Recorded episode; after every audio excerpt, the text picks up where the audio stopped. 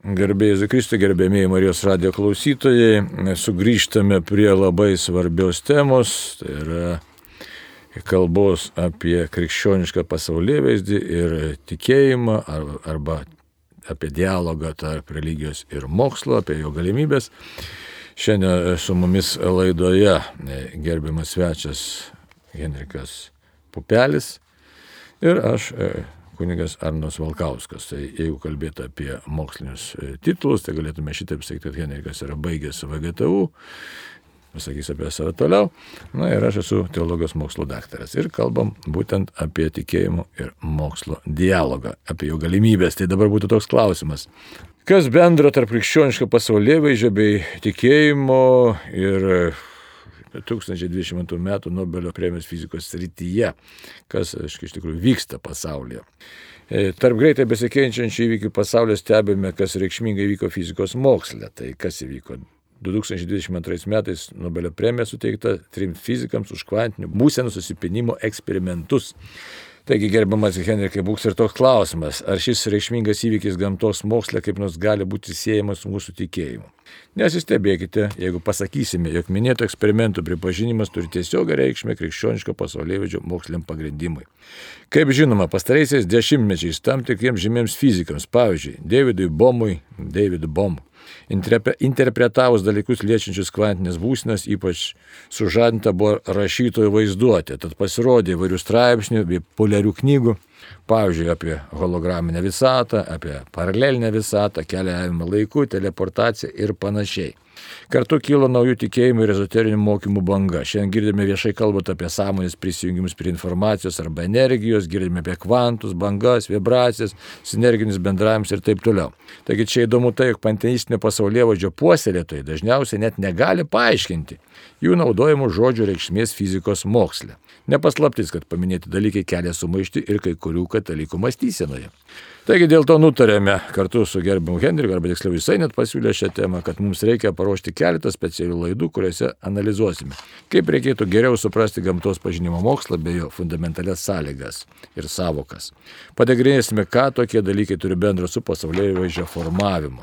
Tačiau laidoje pakalbėsime ne tik apie pastarų šimtmečio mokslo raidą, atnešusią mūsų nudienos technologijas, bet ir apie mokslininkus skirtingus gamtos veikimo įsivaizdavimus bei pačių kontroversiškus tikėjimus mokslo galimybėmis. Pabandysime išsiaiškinti, kuo grindžiamas tokios prieštaringos pažiūros į mokslą. Na ir galbūt vėlesnėse laidose aptarsime ir naujųjų tikėjimų literatūrą. Prabėgau dviejai metai, kai baigėme Marijos radijo seriją laidų apie mokslą ir tikėjimą. Iš jų 18 transliacijų užpildė pokalbiai su VGDU absolventu, nu čia jau senasis absolventas, labai daug nuveikęs paskui įvairiuose mokslo ir inžinierijos rytys, taigi su Henriku Pupeliu. E, prieš mums įskiriant prieš tos dviejus metus išsakė mintį, kad gyvenime ir gyvename, gyvenime ir labai yra įdomių gamtos pažinimo situacijų, atveju, tiesiog tokiam įdomiam amžiai gyvename. Esam liūdiniai, kad moderniosios fizikos dėka greunamas neva mokslinis pasaulėvaizdis, kuriame nebuvo likiant gamtiškumo. Mat, klasikinės fizikos rėmose buvo nupieštas materialaus pasaulio vaizdas, rodantis, kad be judančių ir tarpusavai sąveikiančių kūnų daugiau nieko nėra. Dėl to ateityje bandant išsiaiškinti pasaulį be metafizinio faktorius, bent gamtinės jėgos, o vien tik kaip materija, energija, kvantus, bangas, vibracijas, bei kitus fizinę prasme turinčius dalykus, parodys aiškintojų anachronistinį mąstymą ir kartu rimtas išsilavinimo spragas gamtos pažinime. Teigia šios laidos, šios tiksliau radio laidos dalyvis Henrikas. Taigi, Henrikai, žinau, kad po mūsų laidų e, parašiai straipsnį apie sąmonę ir informaciją kvantinę formą. Ir tas straipsnis, tiksliau, net straipsnių buvo nu, visa kaip sakyti, seka. 2021 metais išspausino Lietuvos mokslininkų leidžiamas leidinys Mokslo Lietuva, tai buvo numeriai 17, 18, 19. Tavo pasirinktos temos klausimų redakcija pakvietė akademiniai diskusijai. Taigi, kągi tavo publikacija kaip tik labai tinka mūsų nagrinėjimai temai. Tad gal pokalbį ir pradėkime nuo tokio klausimo kokius mokslo dalykus apžvelgiai tame savo straipsnė. Primenu, Mokslo Lietuva 2021 metai, numeriai 17, 18 ir 19. Na, dar kartą garbėjai Jėzui Kristui. Per amžius. Tai iš tiesų tai straipsnis labiau skirtas kažkiek daugiau susipažinusiems su fizikos mokslu bei profesionaliems fizikams. Tad vartodamas atitinkamą terminologiją, lakoniškai apžvelgiau fizikinės sąmonės teorijos kūrimo problemą bei analizavau, kaip aiškinant gamtos reiškinius, tam tikrų fizikų kalboje atsirado informacijos arba informacinio lauko savoka.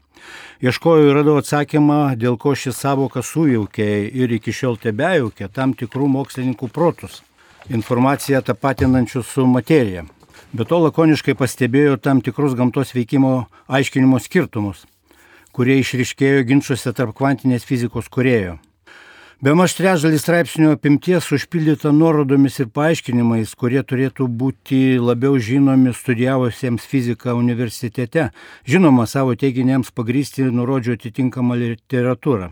Šią progą dabar noriu pabrėžti, kad informacijos arba informacinio lauko savokos atsiradimas gamtos pažinimo raidoje labai pažangus dalykas. Mat minėtos savokos dėka fizikos mokslo žinių kontekste galima formuoti objektyvios tikrovės pasaulyje vaizdį.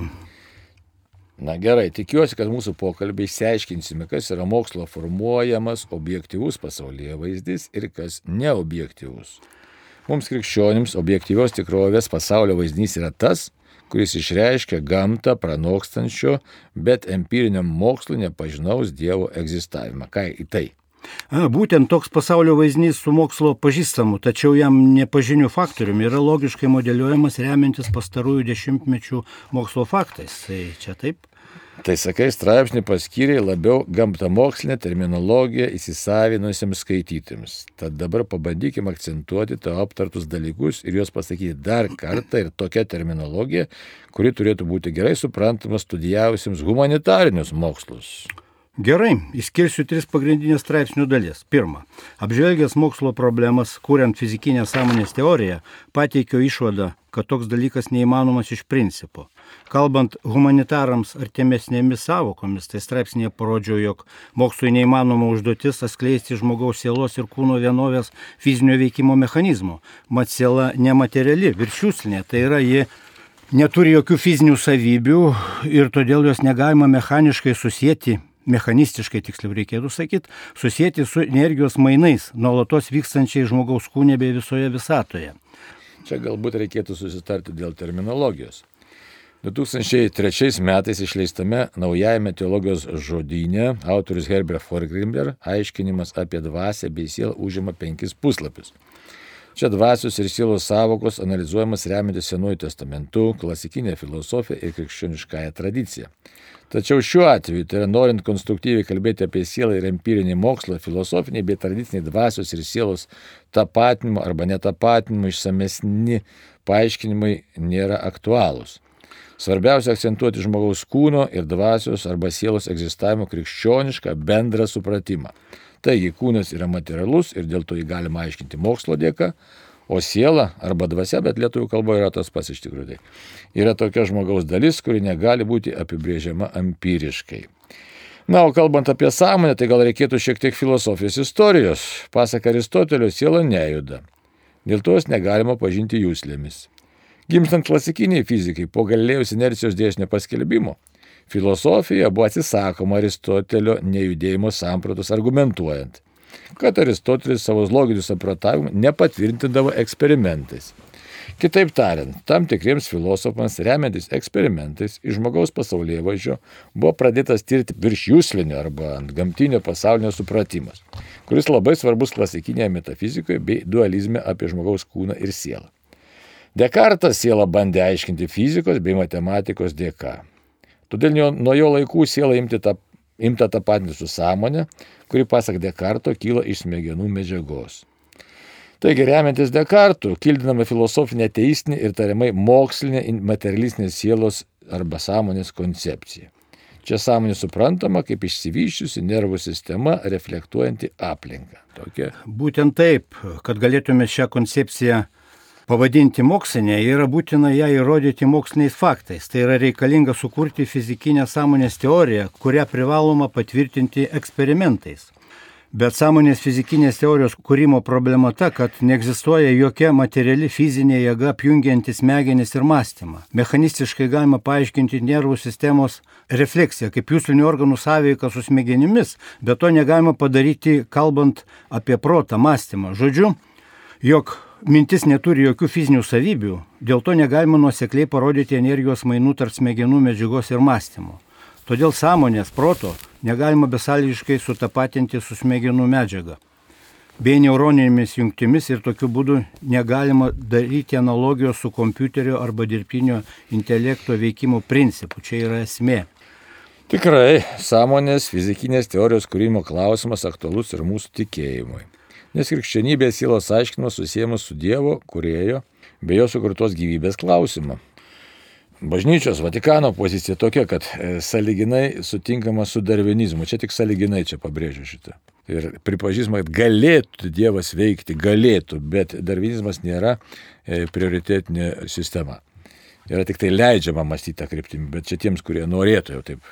Taigi, bet kategoriškai prieštraujančiam žmogaus sąmonės arba sielos prilyginimu kompiuteriu arba dirbtiniam intelektui. Tokia bažnyčia nepritarė tokiam dalykui. Tad išsiaiškinus platesnėme mokslo žinių kontekste, kad fizikinės sąmonės teorijos sukūrimas ir mokslai neįmanoma užduotis, drauge pasirodo, jog tikintieji turi mokslinį argumentą, kuris gina jų sielos ir kūno vienovės koncepciją ir kartu klasikinį filosofinį dualizmą. Na, čia Taip. toks probleminis dalykas, bet norėčiau išgirsti, ką tu čia pasakysi.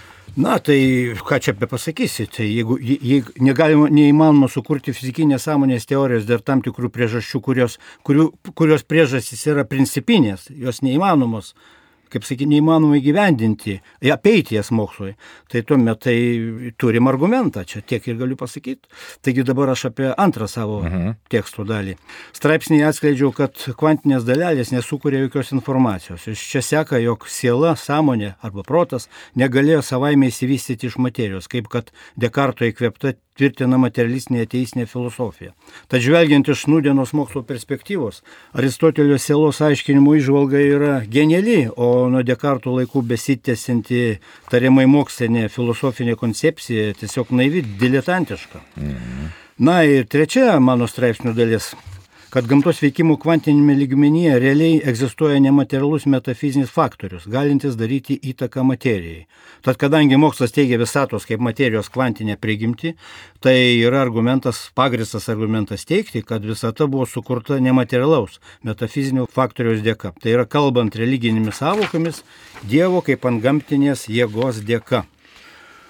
Taigi, kiek supratau, apžvelgdamas tam tikrus gamtos pažinimo dalykus, siekė akademinio solidumo, remiais iškiliausių fizikų debatais bei mokslo faktais. Nors jau paminėjai nemažai įdomių dalykų, bet gal gali pateikti vieną pačią kokią svarbiausią išvadą ar pastebėjimą. Na tai čia, kadangi rašiau tekstą daugiau techninės srities žmonėm, o ne humanitarams. Tai dabar bendrame ten e, kontekste ta išvada turėtų būti tarsi savaime suprantama. Tai klasikinė filosofinė ir biblinė terminologija skambėtų taip. Bet kokia materijos forma priklauso nuo pirminio intelekto, Dievo, o žmogus tai laikino kūno ir amžinai egzistuojančios sielos vienovė, kurios įsamaus veikimo mechanizmas empiriniam mokslui pasiliks nežinomas. Na, žinome, tokia tavo išvada skamba apologetiškai, tikrai labai gražiai, tačiau dėl jos musliškumo pasiaiškinkime kai ką daugiau. Tai gal įvyko kokios nors akademijos diskusijos tavo teksto teiginių pagrindą apie sąmonę, bei informaciją kvantinę formą, ar pasirodė kokių nors komentarų, ar atsakomųjų straipsnių, ar dar kas nors tokio. Pajudintų šiek tiek. Na, nors praėjo daugiau nei metai, diskusijų kol kas dar nebuvo. Komentarų bei straipsnių irgi ne. Negavau ir laiškų. Bet tai manęs per daug nestebina, nes jau gerokai anksčiau turėjau gausybę pokalbių su labai konkrečias užduotis sprendžiančiais fizikais. Be to, dar prieš teksto publikaciją redaktorius man parašė, kad nepaisant nors tema labai įdomi, bet jie specifinė, tad vargu ar atsiras norinčių diskutuoti. Tiesa, praėjus metams po mano teksto pasirodymų skaitant fizikų straipsnius, Viename iš jų perskaičiu mane sudominusią mintį. Mat teksto autorius naudojasi kvantinės mechanikos teorijos dėka atskleistų gamtos veikimų reiškinių, dalelių skirtingomis kvantinėmis būsinimus. Dėl to šiandieną jis jau gali dirbti su kvantiniam kompiuteriui skirtomis medžiagomis, tyrinėti elementariųjų dalelių elektronų sukinius. Todėl fizikas mini kvantinės superpozicijos reiškinį, kuris ir yra mano tekste teikiamų argumentų kertinis akmuo. Na, kodėl tavo nagrinėta tema pavadinta specifinė? Būtinai pakalbėsim truputį vėliau, bet dabar noriu pasakyti štai ką. Taigi, kaip suprantu, kvantinės superpozicijos reiškinys Tai vienas iš šiandien įdomiausių kvantinės fizikos dalykų, kurio remiantis rutuliuoji savo samprotavimus. Tad būtų įdomu sužinoti, kokią gimintį išsakė tavo minėtasis kvantinės fizikos specialistas, ką jis pasakė. Na, jaunojo mokslininko mintį turiu užsirašęs. Cituoju, mokslininkams vis dar sudėtinga suvokti filosofiją slypinčią už kvantinės fizikos, nors tyrinėtojai yra gana neblogai įvaldę kvantinę fiziką jau turime pirmosius kvantinius kompiuterius. Citatos pabaiga. Aš atkreipiau dėmesį į fizikos štai tokį įsireiškimą. Sudėtinga suvokti filosofiją slypinčią už kvantinės fizikos. Nenorėčiau spėlioti, ką jis konkrečiai turėjo omenyje kalbėdamas apie filosofiją slypinčią už kvantinės fizikos, bet turiu pastebėti, kad tam tikros filosofinės koncepcijos buvo kvantinės fizikos kūrimo sudėdamoji dalis. Būtent pastaroji dalis nulėmė, kad šiandieną galime eksperimentiškai tirti kvantinius reiškinius, kurti išskirtinius kvantinius kompiuterius bei kitus žmonijai reikalingus informacijos apdorojimo dalykus.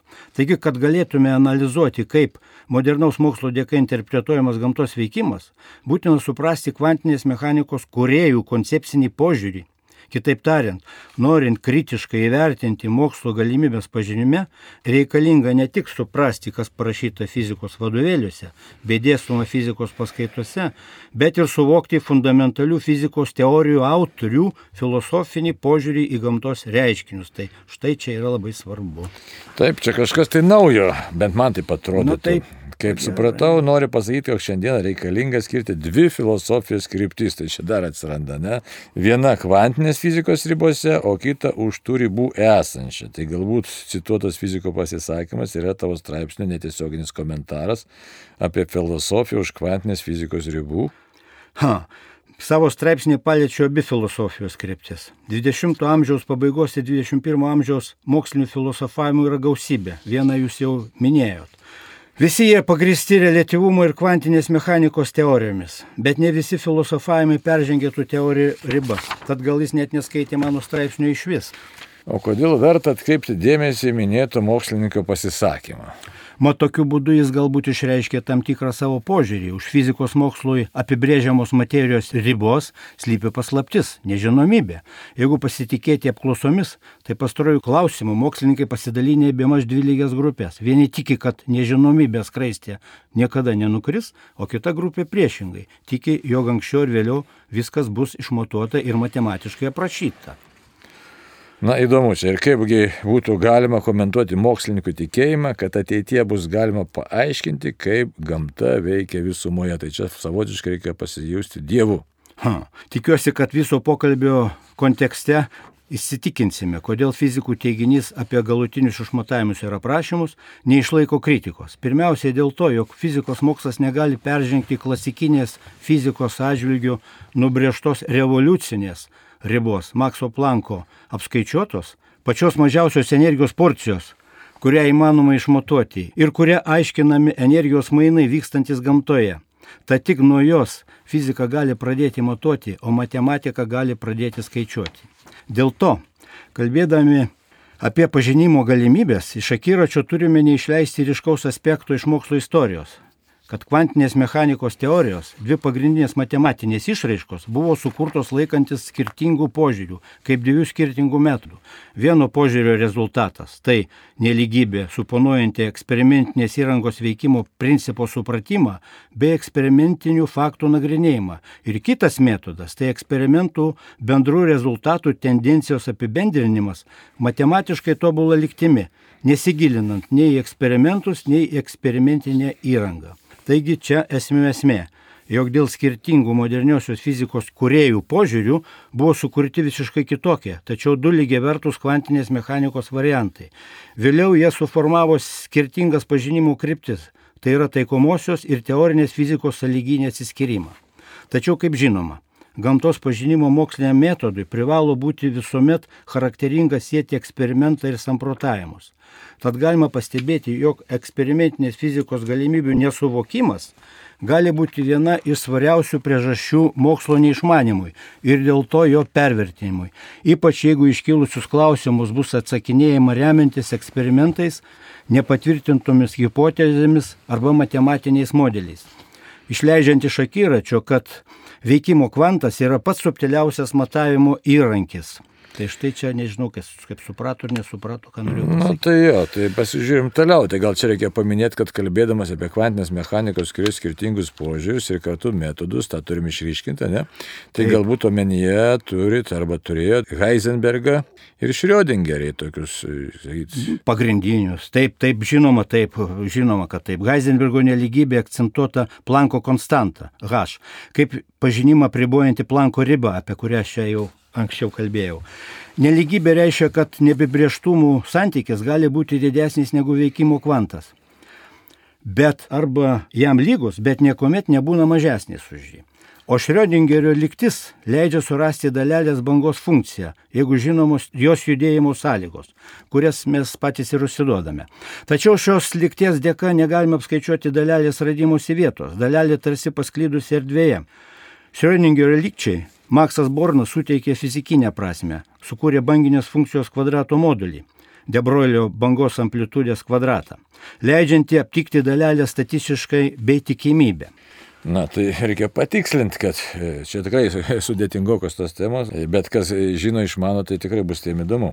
Taigi patikslinkime mūsų planuotai temai svarbių žodžių reikšmę. Taigi, kaip supratau, Heisenbergas ir Schrödingeris rėmėsi 20-ojo amžiaus pradžios eksperimentais su šviesa bei kitos spektro spinduliais. Tada dalelės ir bangos dualizme banga nėra vien tik matematinė išraiška, bet yra ir realiai matomas vaizdas ekrane ar fotoplokštėje.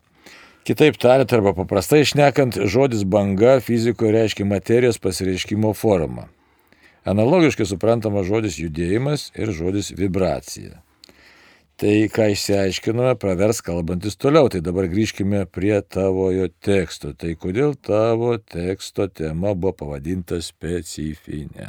Na, pradžioje dar grįšiu trumpai dėl Heisenbergo neapibrieštumų santykio ir Schrödingerio bangų funkcijos. Abiejų išrutuliotų matematinių išraiškų dėka galim ieškoti teorinio mikroobjekto, kurį bus galima matuoti. Niekas daugiau, o tik vien tik eksperimentas patvirtins, ar hipotezė teisinga. Tai yra, ar matematiškai aptiktas mikroobjektas realus ar ne, ar jis realiai egzistuoja ar neegzistuoja. O dėl mano specifinių tekstų, tai čia reikalas tame, kad e, pateiktum, su pateiktomis aktualijomis, bei jas aiškinančio- aiškinančiomis formuluotėmis, redakcija dar nebuvo susidūrusi. Na tai pradžioje tą jau minėjai, bet dabar reiktų aktualiai, aktualiau, plačiau tą išgirsti. Na, pradėsiu nuo toliau. Kadangi gamtos pažinimo srityje aš gaudausi, tai ėmiausi tam tikrų moderniosios fizikos raidos dalykų ir kartu tam tikrų eksperimentais atskleistų gamtos veikimo faktų sudėliojimo į atitinkamas lentynas.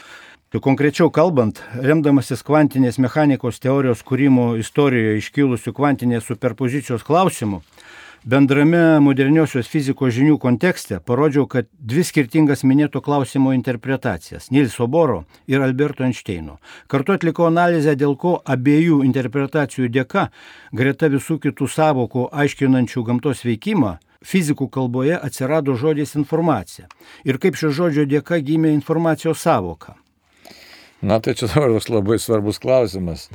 Specifinis, tai ar informacijos savokos formulavimas yra filosofija esanti už kvantinės fizikos. Na, dalėčiau žodį ribos dar, ar kaip? Na, galima sakyti taip, noriu čia labai aiškiai akcentuoti, kad informacija arba informacinio lauko savoka buvo suformuoluota kaip logiškų atsakymų ieškojimas į iškilusius labai konkrečius gamtos veikimo paaiškinimo klausimus. Tokiomis formuluotėmis buvo siekiama, kad visuminė kvantinės fizikos teorija objektyviai atspindėtų gamtos reiškinius. Taigi minėta savoka pasitarnauja gamtos veikimo supratimui plačiame mokslo žinių kontekste ir draugio objektyvaus pasaulyje vaidžio formavimui. Tad informacijos savoka nepranoksta kvantinės fizikos, kaip jūs sakote, ribų. Kita vertus, fizikos mokslo naudingumo atžvilgių ši savoka neturi jokios reikšmės. nes apie ją nieko daugiau negalima pasakyti. Matėjai negalima priskirti nei fizinių, nei matematinių savybių, kaip pavyzdžiui laikui, kuris neturi fizinių savybių, bet turi matematinių. Taigi, tęsint tavo mintį apie kvantinę fiziką pranokstančią filosofiją, arba kad tokia filosofija gimtų, E, jeigu šiai savokai priskirtume fizinės bei matematinės savybės, taigi tuomet tai būtų materialistinė panteistinė filosofija, formuojant ją atitinkantį pasaulyje vaizdą. Ar čia kažkaip netaip? Taip, taip, tikrai taip. Tokie filosofavimai daro labai reikšmingą įtaką. Taip vadinamos subtilesnės materijos. Mumsgi svarbu kalbėti apie tos labai mokslinius žodžius. Oho, labai gražiai skamba. Jo, gražiai. Pavyzdžiui, energijų, kvantų, bangų, vibracijų. Mislingai skamba. Tai pasaulio bei žmogaus įsivaizdavimui, dilitantų tarpe ir kartu sąlygoja naujas anachronistinės religijas. Tad tokio tariamai mokslinio modernizmo pagrindų gausų literatūros paskaitų internete ir kitų panašių su mokslo žiniomis prasilengičių dalykų. Na, čia aš noriu pasakyti, kad čia mums labai svarbu tos dalykus akcentuoti, galbūt ir čia be reikalo. Gerai, gerai. Galima šitą mintį atmesti. Na ir informacija, na ir žinoma, jeigu informacija, o čia jau jūsų sritis būtų, jau kalbėtumėt apie Dievą, viršiuslinį dalyką. Mhm. Na ir žinoma, jeigu informacijos arba informacinio lauko savokai priskirtume kažkokius dvasinius atributus, tai čia jau būtų religinė filosofija arba teologija. Na, bet čia paliksim ateičiai tos. Mes gerai žinom ir man gerai pažįstame su žodžiu informacija susijusiam pratavimu įtaką New Age religijai arba tam tiesiog tokiam religiniam judėjimui bet mažiau esu girdėjęs apie šio žodžio poveikį mokslui. Ką apie tai galima pasakyti? Šiuo atveju pagrindinė nesusipratimo aktualija, tiesiogiai veikianti modernesias religijas, kad žodis informacija pasitarnavo nukaldinant neva modernaus mokslo savoką. Įteigia, kad tarp savęs saveikaudamos, koreliuodamos kvantinės dalelės sukuria informaciją. Kita vertus, informacijos ir dalelių aiškinimo vertinimas kontroversiškas. Vieni mokslininkai tokį dalyką kategoriškai atmeta, nes bendrame kvantinės mechanikos žinių kontekste akivaizdu, kad dalelės nekuria jokios informacijos. Kiti mokslininkai nepriepia visumos ir jie rimtais veidais kalba apie dalelės kūrenčias informaciją. Tam tikri astrofizikai irgi tiki, jog dalelės kūrė informaciją. Tad jiems tapo labai įdomu, kaip informacija cirkuliuoja ir kas su ja atsitinka visatoje, tuomet, kai kažkas atsitinka su pačiomis dalelėmis. Čia versijos įvairios, bet jų bendra esmė, kad nepateikiant jokių informaciją ir dalelės apjungiančių teorijų, samprotaujama, tarsi informacija turi kažkokias tai fizinės savybės ir yra analogiška išmatuojamai bei aprašomai materijai. Žinoma, informacijos savoka svarbi ir tiems mokslininkams, kurie deda pastangą sukurti fizikinę sąmonės teoriją apie ką aš ir kalbėjau savo straipsnėje. Čia pasižymi tam tikri neuromokslininkai, kurie filosofiškai ir visiškai neempiriškai teigia, kad smegenys sudarančios kvantinės dalelės sukuria informaciją kaip sąmonę, protą. Čia labai įdomu, iš tikrųjų, kaip supratau. Yra tam tikrų mokslininkų ir jų tikėjimas yra, kad dalelės kūrė informaciją ir kad e, toks tikėjimas yra pagristas filosofija išeinant iš kvantinės fizikos. Tikrai taip, tai čia yra netinkama interpretacija dalykų ištrauktų iš kvantinės mechanikos teorijos raidos konteksto. Vėliau įsameu panalizuosime, kaip atsirado toks mokslo nepagristas tikėjimas, Sakai, vystoma netinkama teorijos interpretacija, iš kurios išplaukia kažkokie keisti filosofavimai ir tikėjimai. Tad manau, dabar mums reikia daugiau pakalbėti apie esminės kvantinės mechanikos teorijos sampratas. Tuomet galėsime geriau suprasti, kas yra mokslo pagristas arba nepagristas tikėjimas. Jeigu nepagristas, tai jis tiesiog, nu, yra tiesiog fantazijos jau sritis. Tai mes, arba... mūsų tikslas įsiaiškinti. Ja. Taigi, šiandieniniam žmogui būtina tai suprasti. Bet norint nuosekliai prieiti prie pagristų išvadų, reikalinga prisiminti, kas jau yra žinoma. Taigi jau minėjau, eksperimentiniai faktai ir jų aiškinimas sudaro nedalomą visumą ir kartu kvantinės mechanikos teorijos pagrindą. Į šią teoriją implikuoti atskiri eksperimentai atlikti specialiai sudarytomis sąlygomis ir jų dėka pagristos teorijos apimančios atskirus gamtos veikimo dalykus. Pavyzdžiui, eksperimentinis faktas apie šviesos greitį. Eksperimentais patvirtinta Planko hipotezė apie šolinius energijos mainus ir kiti gamtos pažinimo dalykai. Tokių gamtos veikimo faktų sintezės būdu fizikos mokslas turi kvantinės mechanikos teoriją kaip gamtos pažinimo instrumentą, kuris gali objektyviai atspindėti arba atitikti tam tikrus gamtos reiškinius. Na, dėl objektivumo, tačiau tikrai sulauksim kritikos, kiek man žinoma, mokslas jo siekia, bet galutinio objektivumo neįmanoma pasiekti dėl neapibrieštumo principo. Tai jau ankstesnėse laidose esame gana išsamei aptarę problemą susijęta su matematiko Laplaso determinizmu. Na, kritikos tikrai sulauktumėm, bet ji galios tik siaurasnėme pažinimų žinių kontekste. Geras pastebėjimas dėl Newtoną sekusio Laplaso. Čia viskas teisingai, nes mes kalbėjome apie tikimybėmis aprašomą kvantinį pasaulį, kuriame negalioja klasikinė fizika ir dėl to negalima apskaičiuoti tikslaus pasaulio būvio. Bet šioje laidoje mes apriepsime daugiau ir kalbėsime apie pažinimą, akcentuojant filosofiją fizikų, kūrusių kvantinę mechaniką, bei jos dėka atskleistą metafizinį faktorių. Tad e, šiuo atveju objektyvų pasaulio pažinimą reikia suprasti globaliau, kaip objektyvę tikrovę, kad pasaulis egzistuoja tam tikrose plotmėse atskiruose fizinėse ir metafizinėse. Kartu akcentuosime skirtingas kvantinės mechanikos sampratas. Kaip čia supras skirtingos kvantinės mechanikos sampratas? Labai įdomu būtų, kaip paaiškinsi šį dalyką. Na, nors jau minėjau Planko kvantą ir du skirtingus metodus sukuriant kvantinę mechaniką, bet dar reikia paaiškinti, pasiaiškinti kai ką daugiau. Taigi, kaip žinoma, visa modernioji fizika rimo Einšteino suformuoluoto pasaulio relativumo ir kvantinės mechanikos teorijos, kurios kertiniai akmenys yra Planko kvanto savoka, nebiprieštumo principas ir superpozicija. Plankas pasiūlė hipotezę, kad energijos mainai gamtoje vyksta diskretinėmis porcijomis, kvantais. Kitaip tariant, čia buvo hipotezė, jo gamta veikia šuoliais. Toks revoliucinis dalykas prieštaravo klasikiniai fizikai, bei ją grindžiama mokslininkų pasaulyje vaizdžiui ir kartu tikėjimui, jo gamta nedaro šuolių. Vėliau Planko hipotezė tapo teorija, nes buvo patvirtinta eksperimentais, kurie objektyviai atspindėjo šuolinį gamtos veikimą jos kvantinėme ligmenyje. Kalbant apie kvantinę mechaniką, neįmanoma nepaminėti Nilso Boro.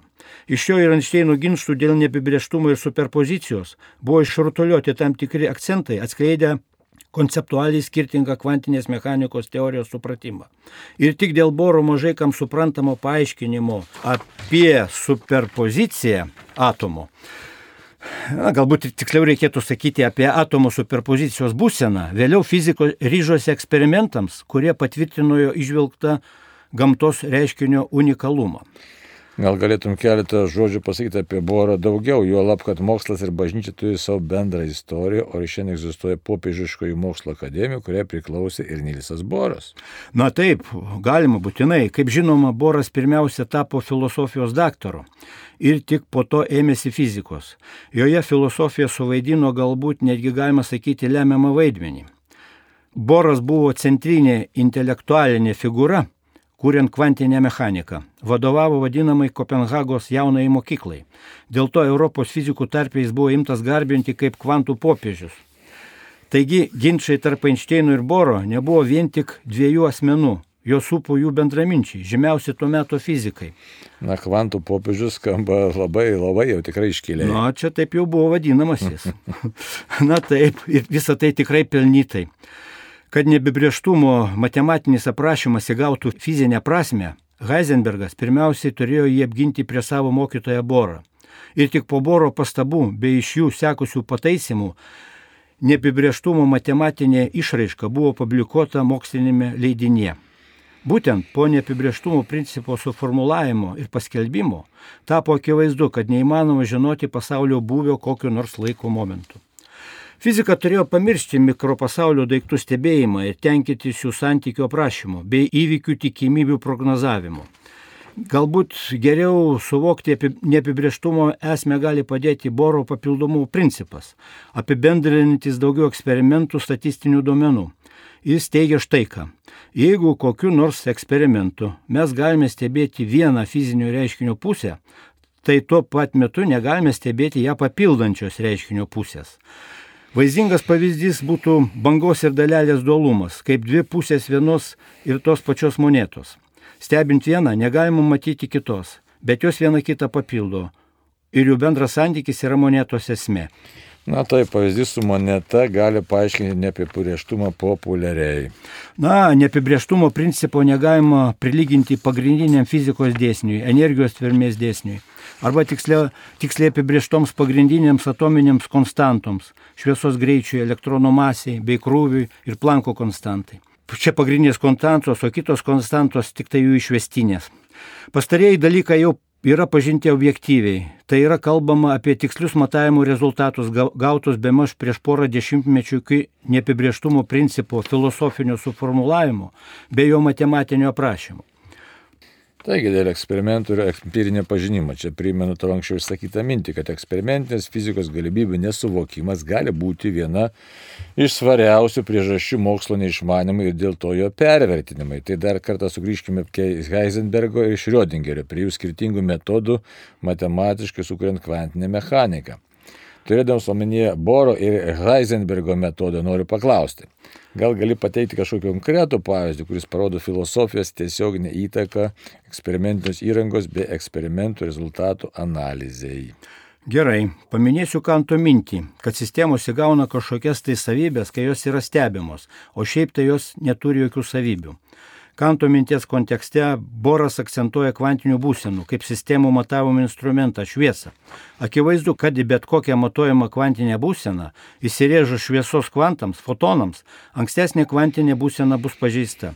Be to matavimų rezultatų tikslumas priklauso ir nuo fotonų judėjimo sąlygų. Tai neginčytėta bus žinomos tik tos vertės, kurios gautos matuojant. Tačiau jau išmatuota kvantinė būsena pakeis sekantis matavimas ir taip toliau ir taip toliau. Dėl to matavimų vertės skaičiuojamos statistiškai. Taigi esmė. Boro teiginys, kad sistemos vertės įgauna tik jas matuojant, logiškas ir nesukritikuojamas. Čia dar reikėtų sugrįžti prie Boro pastabų jaunajam teoretikui Heisenbergui dėl neapibrieštumo principo. Tam, kad matematikai per daug netitruktų nuo eksperimentų, realiai pakartojančių gamtos reiškinius, Boras akcentuoja filosofiškai teisingą mąstyseną pažinime. Cituoju, gamta ne visuomet mėgdžioja sukurtas matematinės schemas. Citatos pabaiga. Taigi Boras konstatuoja savaime aiškę esmę filosofams, bet kažkaip stebėtinai sunkiai suvokiamą dalyką tam tikriems fizikams teoretikams. Matematinės išraiškos skirtos gamtos pažinimui privalo atitikti jos veikimą. Šią progą priminsiu, kad realumas fizikoje yra tas, kas nepriklauso nuo stebėtojo. Tad gamtos veikimo pažinimas privalo būti objektivus, nepriklausyti nuo žmogaus įsivaizdavimų, pasitelkiant vien tik hipotezės bei matematinius modelius. Kaip suprantu, per šį mintį, kad teorinė fizika nėra paėgi sukurti objektyvų pasaulio vaizdinį. Tikrai taip, fizika be eksperimentų nepaėgi. Norint pažinti pasaulio objektyvę tikrovę, fizikai reikia filosofijos, o filosofijai reikia šiuolaikinės fizikos. Tad esu prisiekęs Boro mokyklos metodo šalininkas. Kalbant apie mokslinį pažinimą, skiriu, kas pasaulyje egzistuoja nepriklausomai nuo žmogaus proto ir kas tai yra jo proto sukurti nematerialūs ir materialūs dalykai, kaip pažinimo instrumentai. Pavyzdžiui, laikas, matematika, pažinimo metodai, eksperimentė įranga ir panašiai egzistuoja tik tuomet, kai egzistuoja žmogaus protas. O pažinimo instrumentų dėka pažinti tam tikri dalykai, kaip antai Žemės sukimasis ir jos magnetinis laukas, egzistuoja nepriklausomai nuo žmogaus bei jo sukurtų instrumentų. Šį pavyzdį pateikiau dėl to, kad filosofija nesidomintis tam tikri mokslininkai, dažniausiai tie, kurie tiki visko išmatavimu ir aprašymu, bando įrodyti, jog laikas ir matematika egzistavo anksčiau negu žmogus. Suprantama, gal prie filosofijos dar ir sugrįšime, o dabar eikime toliau. Taigi, jeigu tarp fizikų Boras buvo vadinamas kvantų popiežiumi, tai gal reikėtų išsameu pakalbėti apie Boro nesutarimus su Einšteinu dėl kvanto savokos. Labai gerai, nes tai ypatingai svarbu suprasti, kalbant apie jų skirtingą požiūrį į kvantinę mechaniką.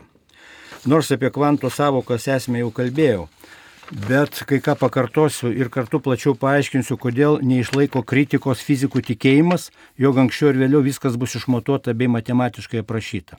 Taigi kvantų savokos esmė, jog tai pati mažiausia energijos porcija, kurią įmanoma išmatuoti bei apskaičiuoti ir kurios dėka galime paaiškinti energijos mainus vykstančius gamtoje.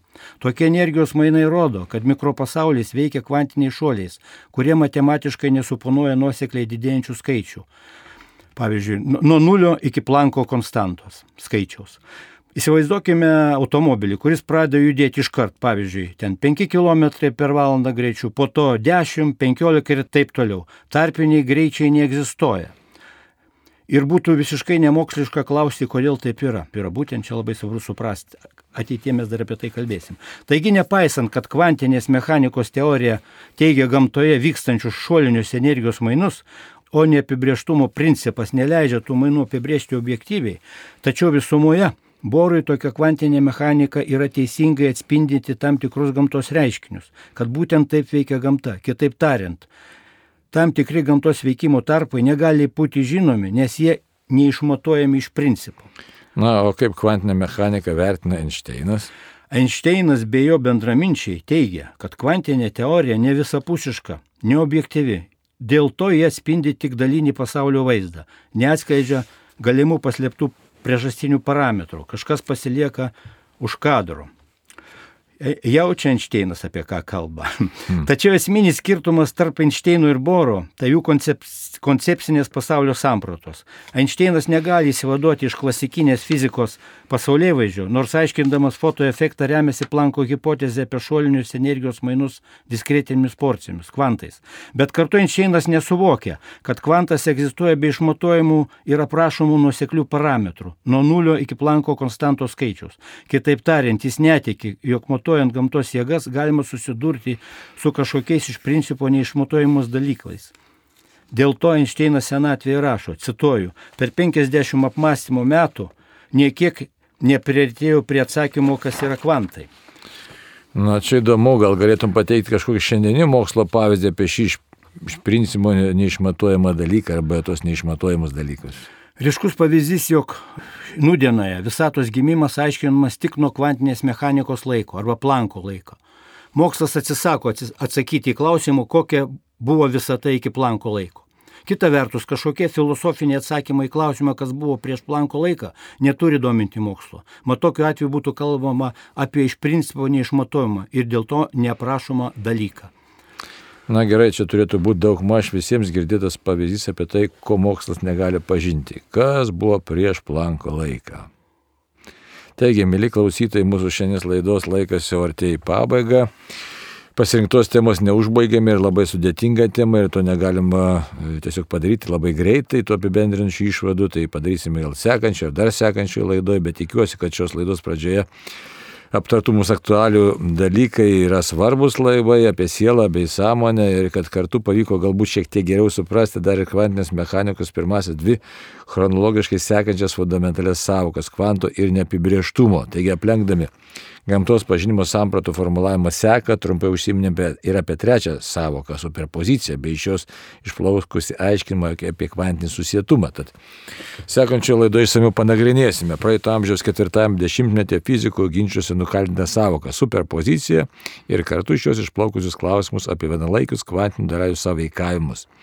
Kaip mokslo raidoje paaiškėjo atlikus realius eksperimentų su kvantinėmis dalelėmis gauti rezultatai šokiravo fizikos mokslo iš pagrindų. Dėl tų eksperimento ar eksperimentų, tiksliau oficialus pripažinimas tęsiasi net šešis dešimtmečius. Galiausiai praeitais metais vienalaikį kvantinį susietumą per astumą kaip gamtos veikimo faktą atnešantį praktinę naudą įrodė fizikai buvo apdovanoti Nobelio premiją. Tai tiek šiandien ačiū labai Henrikui Pupeliu už šitą paruoštą medžiagą ir tiesiog mąstykime apie Dievo veikimą ir apie tiesiog, pasaulio sąrangą, kad atrastume tiesiog, tikrai didesnį santykį su viešpačiu. Tai ačiū, gerbiamasis. Ir tam kartu sudė. Ačiū, ačiū visiems klausytojams. Sudė.